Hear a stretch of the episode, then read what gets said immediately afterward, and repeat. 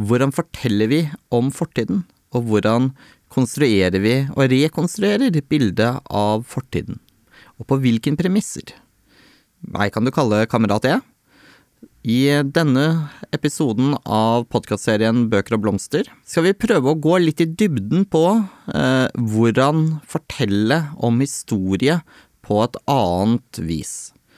Og for å illustrere dette, så har jeg i dag tatt utgangspunkt i to bøker jeg har lest de siste ukene. Den ene boka er Queer History of the United States av Michael Bronsky, og den andre Hallots Horse and Hackabouts, A History of Sex for Sale av Kate Lister. To bøker, begge skrevet av eh, anerkjente eh, historikere og formidlere, om to temaer som ofte en ikke finner annet enn små anekdoter om i de vanlige historiebøkene. Ikke desto mindre så er det veldig viktig og veldig mye man kan lære å trekke ut av historien til Jeg vil ikke si de nødvendigvis underprivilegerte, men historien til grupper i samfunnet som ellers ikke har den samme tilgang på, og ofte har blitt motarbeidet og usynliggjort i offentligheten. Tidligere så var det jo slik at historie det var stort sett noe som ble fortalt fra ikke bare seierherrene, men eh, om seierherrene, om konger, om slag, om store hendelser. Hvis vi går tilbake til den antikke historieformidlinga, så finner vi i all hovedsak fortellinger om hærførere, om slag, om type tropper, troppeforflytning. Det hele er veldig militært. Det hele handler veldig mye om makt. Den andre type historie fra antikken er stort sett oppramsninger, eh, genealogier, over konger, biskoper, mektige abbeder, folk som eh, selv gjerne fikk folk til å skrive historien både om sine forgjengere og om seg selv, men ut ifra et eh, perspektiv om å glorifisere sin egen makt og sin egen posisjon. Selvfølgelig har man også den kritiske historieskrivningen. Allerede tidlig etablert, eh, med stemmer som Herodot og Tykkedid, som eh, også skildrer de mindre suksessfulle sidene ved den greske bystaten Atens vekst og fall. Men det er fortsatt historiene om krig, om stater, og i liten grad fortellingen om hva vi skal si vanlige folk og i hvert fall ikke de som lever på siden av samfunnet. Derfor er det, tror jeg, viktig eh, for, eh, med utgangspunkt i et eh, radikalt miljø, og i hvert fall et radikalt skeivt miljø, og også ha et fokus på historie. Ikke bare for å kunne gå tilbake og huske de som har gått foran i kampen, men også for å se på og framheve viktigheten, eller den faktiske eksistens av et diverst samfunn gjennom historien. Det er helt et sånn nøkkelargument som er viktig at vi har med oss i dag. Hvis vi nå ser på disse bøkene som jeg har valgt å ta med, så kan vi jo først eh, se litt på A Queer History of the United States. I denne boken så tar Bronski utgangspunkt i å fortelle ikke bare historien om de skeive pionerene, ei heller den skeive kulturhistorien eller skeive i litteraturen eller, eller den type mer spesifikke historiefortellinger. Snarere tar han for seg de lange linjene og viser at skeive har vært en viktig del av USAs generelle utvikling helt siden de første europeiske nybyggerne etablerer seg i de første britiske kolonier. Det er der han på mange måter begynner fortellingen. Og det er en interessant fortelling. Han viser med stor presisjon hvordan skeive stemmer blant annet eh, var en viktig del av opprettelsen av det vi i dag kjenner som USA. Han viser også hvordan Disse eh, skeive stemmene ble møtt med forskjellige former for forfølgelse.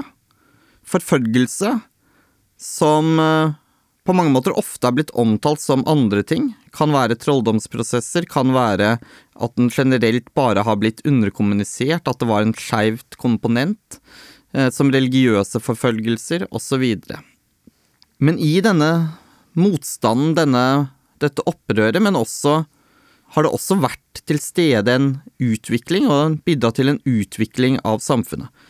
Veldig interessant uh, er vektleggingen uh, Bronski har av den skeive bevegelsen som en motkultur og en katalysator for samfunnsutvikling. Også gjennom å mobilisere en motreaksjon i konservative miljøer har samfunnet blitt utviklet. Noen ganger, og veldig ofte, til de konservatives store forferdelse i stikk motsatt retning enn den den repressive linjen skulle lede til. Dette kan man eksempel se på i hvordan privatiseringen av seksualitet eh, på slutten av 1800-tallet og tidlig 1900-tall, som følge av en puritanistisk forfølgelse og fra pietistiske og konservative grupper, nettopp bidro til å også gi et rom for skeive, der man, så lenge man passerte med det offentlige bildet, kunne utvikle skeive undergrunnsmiljøer. Noe som viser seg etter hvert viktig som en bakgrunn også for å gi et rom i USA som ikke nødvendigvis var like til stede alle steder i Europa. Bronski viser også hvordan de større byene i USA, med sitt multikulturelle og pluralistiske eh, utgangspunkt, også er viktige metropoler for den skeive bevegelsen. Steder hvor kunstnere, diktere, malere, fotografer, folk innen scenekunst kan eh, få et rom for å uttrykke seg, og som da også er med på å legge føringer og premisser for en utvikling av det som etter hvert blir karakteristiske skeive, ikke bare undergrunns, men ganske tydelig skeive miljøer på det meste, på mange titalls tusen mennesker. Hele bydeler i New York og San Francisco og New Orleans blir, vil komme til å bli dominert av skeiv kultur og en skeiv undergrunn som etter hvert blir den dominerende i disse områdene. I tillegg så trekker eh, Bronski også fram hvordan eh, de store hendelsene i amerikansk historie, som for eksempel eh, borgerkrigen, som første og andre verdenskrig, som nedgangstider og oppgangstider, også har gitt et rom for utvikling for den skeive undergrunnen, men også for skeiv politikk. Et veldig viktig element for Bronski er det motkulturelle, og også anarkistiske, ved de skeive gruppene. Han trekker også fram selvfølgelig her skillelinjene og de interne konfronteringene mellom forskjellige grupper av skeive aktivister, eh, spesielt i etterkrigstiden, eh, hvor motsetningsforholdet mellom forskjellige politiske strømninger, og man ønsker en bred allianse med andre borgerrettsgrupper, andre miljøer, eller om man ønsker en veldig snever agenda, kommer veldig tydelig fram. Også trekker han selvfølgelig linjene inn med at historien går i, om ikke i jevne sykler, så i bølger. Det er en bølgende utvikling hvor det er perioder med motstand og perioder med blomstring, åpenhet, lettere tider. Men i disse konservative backlashene er det, vil jeg si, sånn jeg leser Bronski, at han identifiserer kjernen og kimen til ny og kreativ mobilisering fra de skeive miljøene. Så på mange måter så er dette en historie fortalt etter det gamle paradigmet hva ta, som ikke tar livet av deg, gjør deg sterkere. Og på mange måter har det skeive miljøet alltid greid å lykkes med å gjøre seg selv sterkere ved å overleve, og det vil alltid være et nytt skeivt miljø. Man klarer aldri å knekke det skeive miljøet en gang for alle. Selve formatet på boken er ganske standard for en historiebok. Den er eh, vel ført med kilder. Det er eh, godt dokumenterte eksempler.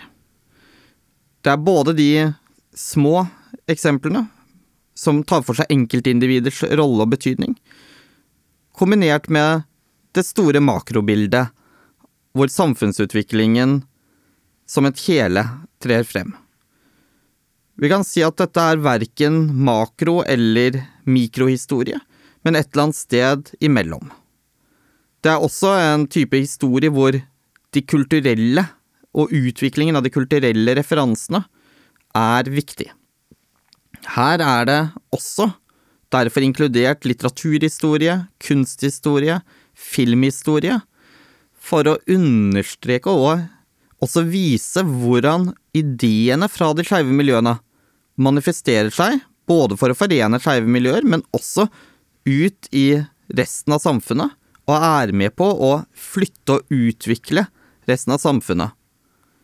Her kan vi kanskje lese inn en tese om eksistensen av en skeiv avantgarde, som legger premisser for mote, kultur, kunst, litteratur, i forkant av resten av samfunnet. Altså en skeiv motkultur som er produktiv for resten av samfunnsutviklingen. Dette er, slik jeg leser det, et viktige argumenter for skeive aktivister å også ta med seg. Ikke fordi at historien skal på en måte sies å være noe som er endt, men også for å vise at av den kampen man fører, gror det frukter. Det er en produktivitet i den skeive historien, og den påvirker alle sider og alle lag av samfunnet. Man kan si at dette er historie snudd på hodet. Vanligvis så hører vi om, og har perspektivet vært, at skeive er offer eller noen som blir rammet av en politikk som andre legger premissene for.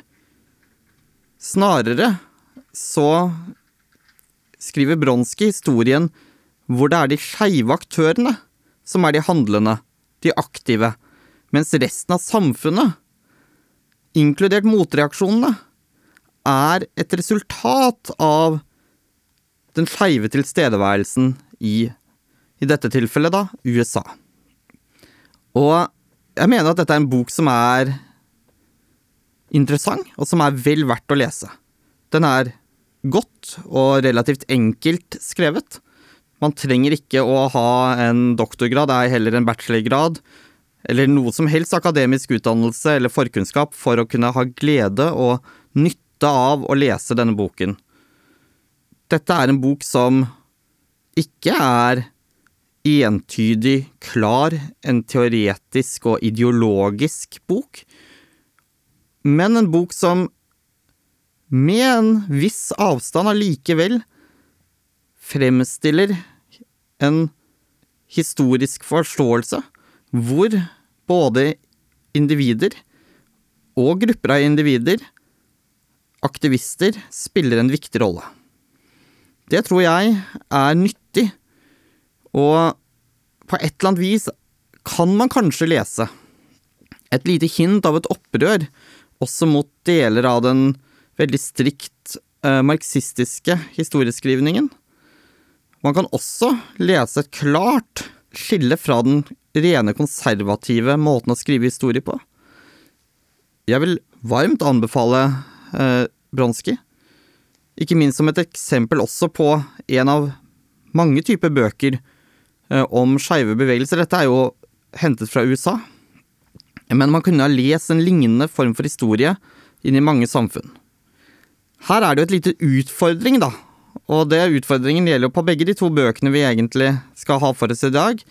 At selv om en god del har skrevet om aspekter ved f.eks. skeiv historie i Norge, så er det fortsatt et fravær av en mer hva skal vi si, makrohistorisk fremstilling av skeives rolle gjennom eksempel 1000 år med norsk historie. Eller 2000 år, for den saks skyld.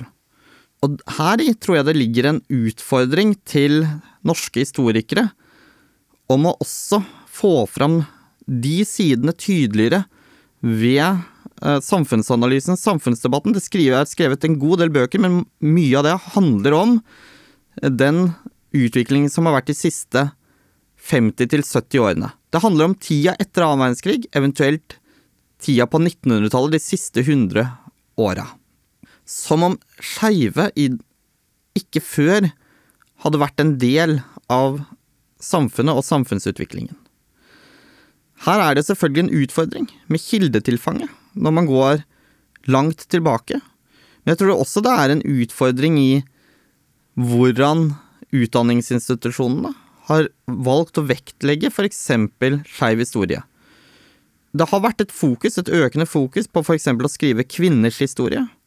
Nå tenker jeg at tida er moden også i Norge for i større grad å skrive om den skeive historien, og da ikke bare over det siste århundrets utvikling innenfor feltet. Så kommer vi til den andre boken. Og der eh, må jeg jo først si at der Bronskis bok er i format en standard historiebok, litt over 200 sider med, fylt med tekst og ingen illustrasjoner, men som sagt, de beste bildene lager du jo oppi ditt eget hode. For eksempel, eh, her må jeg jo nevne også noen av disse her eksemplene på kunsthistoriske referanser i eh, Bronski er jo eh, virkelig flott, spesielt når du da googler og ser hvilken type bilder de faktisk tok på slutten av 1800-tallet. Eh, mye der som ikke kunne vært lagt ut på Facebook, for å si det sånn. Det hadde vært en eller annen algoritme som hadde sagt fy-fy til deg. Den neste boken, Harlots Horse and Hackabouts, av Kate Lister, tar for seg om mulig et enda mer ambisiøst prosjekt, der Bronski på et par hundre sider skal fortelle den skeive historien til USA. Prøver eh, Lister å fortelle en historie om kjøp og salg av sex gjennom alle tider. Her må man jo bare si at det er en umulig oppgave. Uavhengig av hvor mange sider du har å fylle. Så det blir et utvalg. Man kan sikkert her også rette en slags form for kritikk til det utvalget som er gjort for hva er det som trekkes fram? Jo, det er en bok skrevet av en engelsk forfatter, og veldig mange av eksemplene er også dreid rundt kjente referanser i England. Utgangspunktet trekkes helt tilbake til før antikken tilbake til eh, Mesopotamia og Egypt, hvor vi blir kjent med og kan lese om eksempel hellig tempelsex. I tillegg til den klassiske verden hvor eh, kurtisanene om noe var de mest frigjorte av Atens kvinner, de eneste kvinner som kunne tale med menn på tilnærmet likefot. Men også her fortellingene om hvordan det i det romerske imperium var et økt eh, press eh, på prostitusjon, i form av en stadig økt regulering og forsøk på å kontrollere, systematisere, og organisere fra statlig hold kjøp og salg av sex. Og det er på en måte en av de røde trådene, eller den, en av to røde, skikkelig sånn tydelige røde tråder gjennom boka, er myndighetenes tilnærming til kjøp og salg av sex, som ofte er veldig dobbeltmoralsk i sitt vesen, og eh, på en annen side forskjellene, de klassemessige forskjellene, eh, på de som er sosialt aksepterte, og de som ikke er sosialt aksepterte. Og her vil jeg bare si med en gang at eh, akkurat de å fortelle de storyene lykkes Lister veldig godt. Utvikling går jo videre til um, fortellinger om uh, middelalderens dobbelthet i England og Italia, med både det som omtales som en gullalder for sexhandel, men også var preget av stadige inngripener og forfølgelse. Her var at de som solgte sex, måtte gå med spesielle klær, bo i spesielle deler av byen, oppholde seg i spesielle deler av byen, og hvis de ikke lot seg registrere eller betalte skatt til myndighetene, kunne de vente seg ydmykelse og avstraffelse i offentlighet. Men her er også fortellingen om kurtisanene i renessansens Nord-Italia, som eh, spiller en helt avgjørende rolle, og her kan vi si altså sikkert sammen med skeive i samme periode, inn i det vi kjenner som renessansen, både innenfor religion, tidlig merkantil utvikling, kunst, kultur, litteratur. Kurtisanen er nært makta, nært pengene, og nært utviklingen av det intellektuelle samfunnet. I tillegg er det også i denne perioden at man på en annen side av samfunnet ser de mindre privilegerte. Og der er det historien om sexarbeidere på bordeller som får lov til å holde åpent i byer som Venezia, med pavekirkens velsignelse. Da kan man jo lure på hvorfor. Argumentet var visstnok at her, ifølge da eh, lister fra Augustin og Aquinas, at det fantes et større og et mindre samfunnsmessig evil når det kom til avvikende seksualitet. Og derfor var det bedre å ha tillate kurtisaner og sexarbeidere sin virksomhet, heller enn at folk skulle bli homofile. Selvfølgelig er jo da tanken her om at folk og folk med seksualitet fortsatt er menn, og det er jo en ting vi bare må ha i bakhodet når vi leser historien om seksualitet og alt som har med seksualitet å gjøre. Men eh, som i et, en by som Venezia, var det visstnok da at kvinner som solgte sex, blottet sine bryst i offentlighet fra en gitt bro, for å da signalisere både for å by seg fram, men også for å prøve å hindre menn i å bli homofile.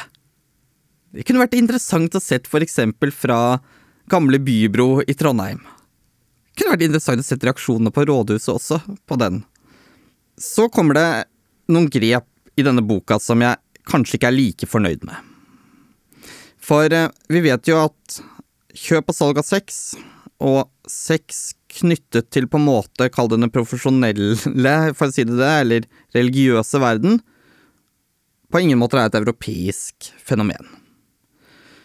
Og her er det litt, føler jeg nesten litt typisk, at utvalget av sexsalg i andre deler av verden stort sett er, foruten da referanser til den såkalt nye verden, USA, er lagt til Edo-tidens Japan og til de siste skikkelige keiserdynastiets tid i Kina. Og på den måten spilles det unektelig også inn noen av disse referansene som vi kan trekke til orientalisme og forestillinger om det seksualiserte Østen.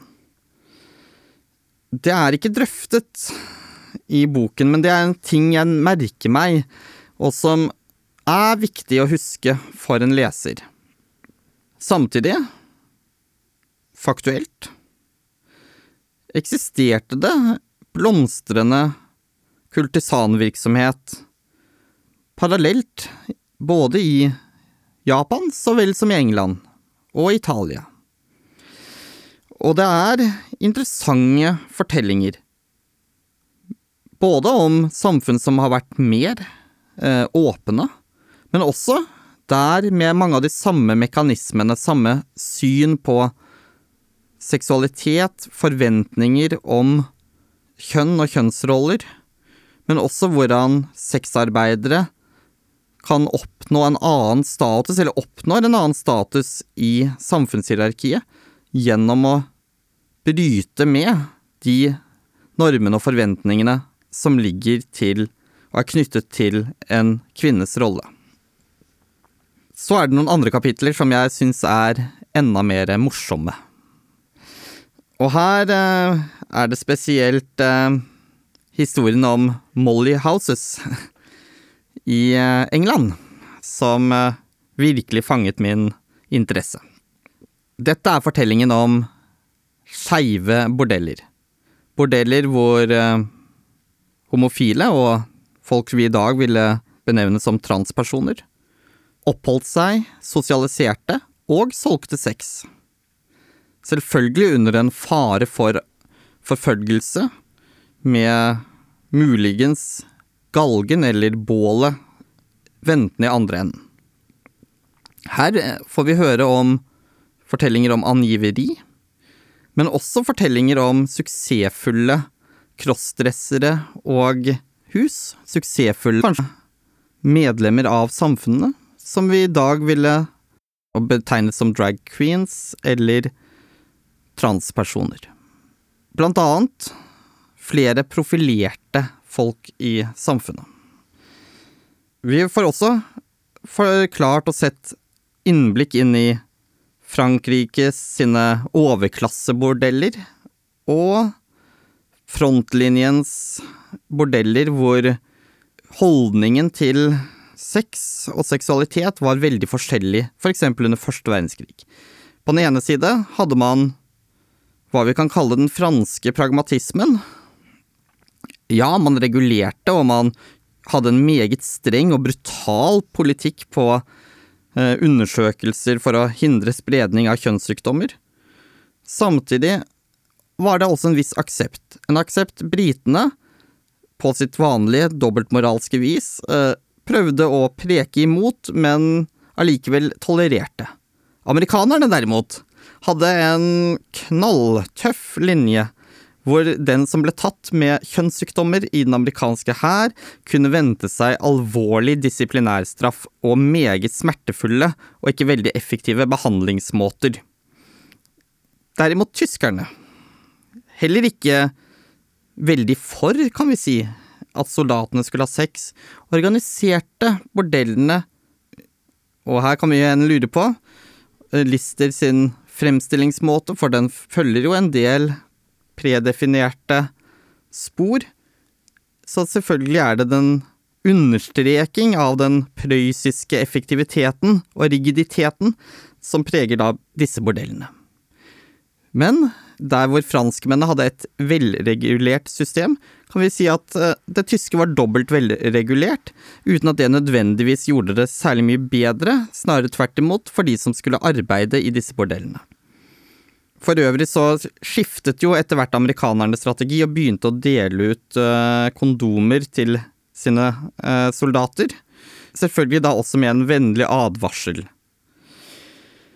Fokuset på umoral, på sykdom, på kontroll, har på et eller annet vis alltid vært til stede. Myndigheter har, i hvert fall de siste, eller egentlig vi kan si 1000-2000 årene i Europa forsøkt å regulere, forby og undertrykke prostitusjon. Men uten å lykkes.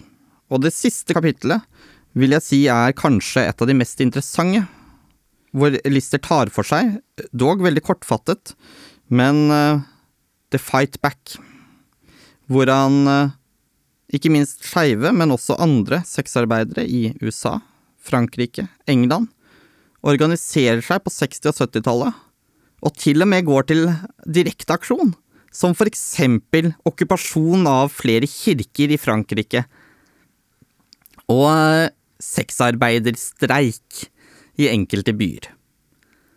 Selvfølgelig, i vanlig fransk stil, ble kirkene ryddet av store politistyrker med utstrakt brutalitet. Likevel på, var dette med på å inspirere og lede fram mot viktige opprør, ikke minst for den skeive bevegelsen, hvor Stonewall-opprøret står som et av de fremste.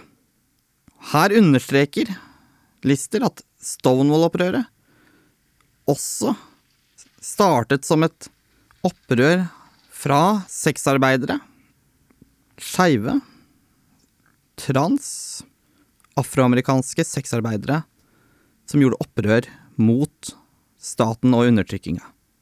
Viktig historie å presisere. Så alt i alt vil jeg jo si at boken til eh, Kate Lister er en bok som gjør seg godt å lese. Ikke minst fordi at hvert kapittel er kort. Vi kan si nesten at dette er en bok som er som skrevet for internettgenerasjonen. Der Bronski har en tradisjonell stil, ikke ulik den som fagbøker har blitt skrevet i for et stort sett mer belest og akademisk publikum de siste i hvert fall 50-100 årene, er Listers bok full av illustrasjoner, bilder, fotografier. Kapitlene er korte. De er innbydende eh, oppsett som gjør det enkelt å lese. Mange av historiene som fortelles, fortelles om enkeltpersoner. Reelle personer som har levd og virket. Dette er et bra grep. Mikrohistorien forteller makrohistorien, eller makrofortellingen fortalt gjennom de personlige aktørene. Ikke nødvendigvis aktivister, men enkeltskjebner på godt og vondt, både de som hadde suksess og de som ble forfulgt, og de som ble drept. Dette er viktig for å danne et bilde, ikke minst appellere til både fornuft og til følelser. Selvfølgelig så er eh, boken kunne den vært langt mer innholdsrik. Den kunne ha vært mer akademisk, mer kritisk. Kanskje prøvd å gape over litt mindre. Men på den annen side, dette er en bok som også gjør seg på salongbordet. Dette er en pen bok. Det er en bok eh, du vil ha i bokhyllen din. Ja, selvfølgelig vil du ha bøker om sex i bokhyllen din. Hvem vil ikke det? Man må jo ha en forbudt eller farlig del av bokhyllen. Men som en avrunding så vil jeg ta med lite grann av konklusjonen til Lister.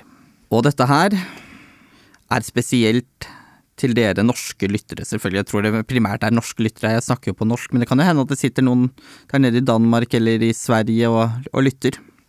Men i hvert fall. Another system of legalization favored by many radical feminists is the so-called Nordic model, which has been adopted in Sweden, Norway, Iceland, France, and Northern Ireland, which criminalizes the purchase of sexual service, but not selling.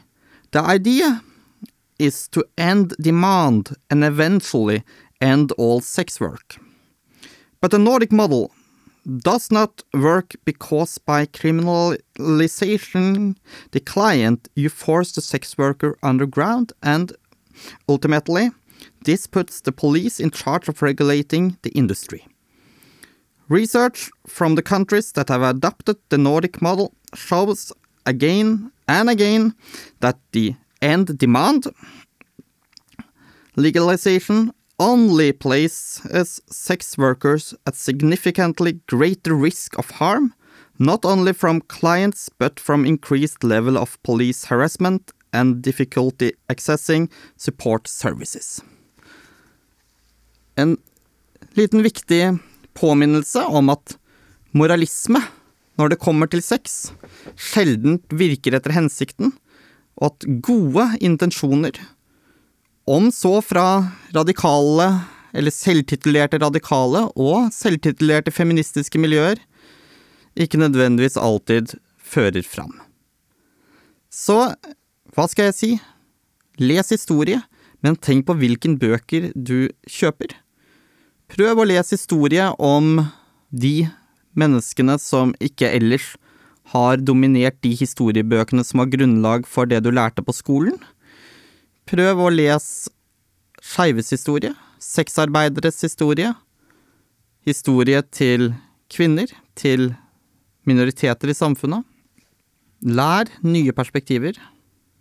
Og som eh, nevnt i tilfellet med Hallots Horse and Hackabouts, det trenger ikke å være så komplisert heller.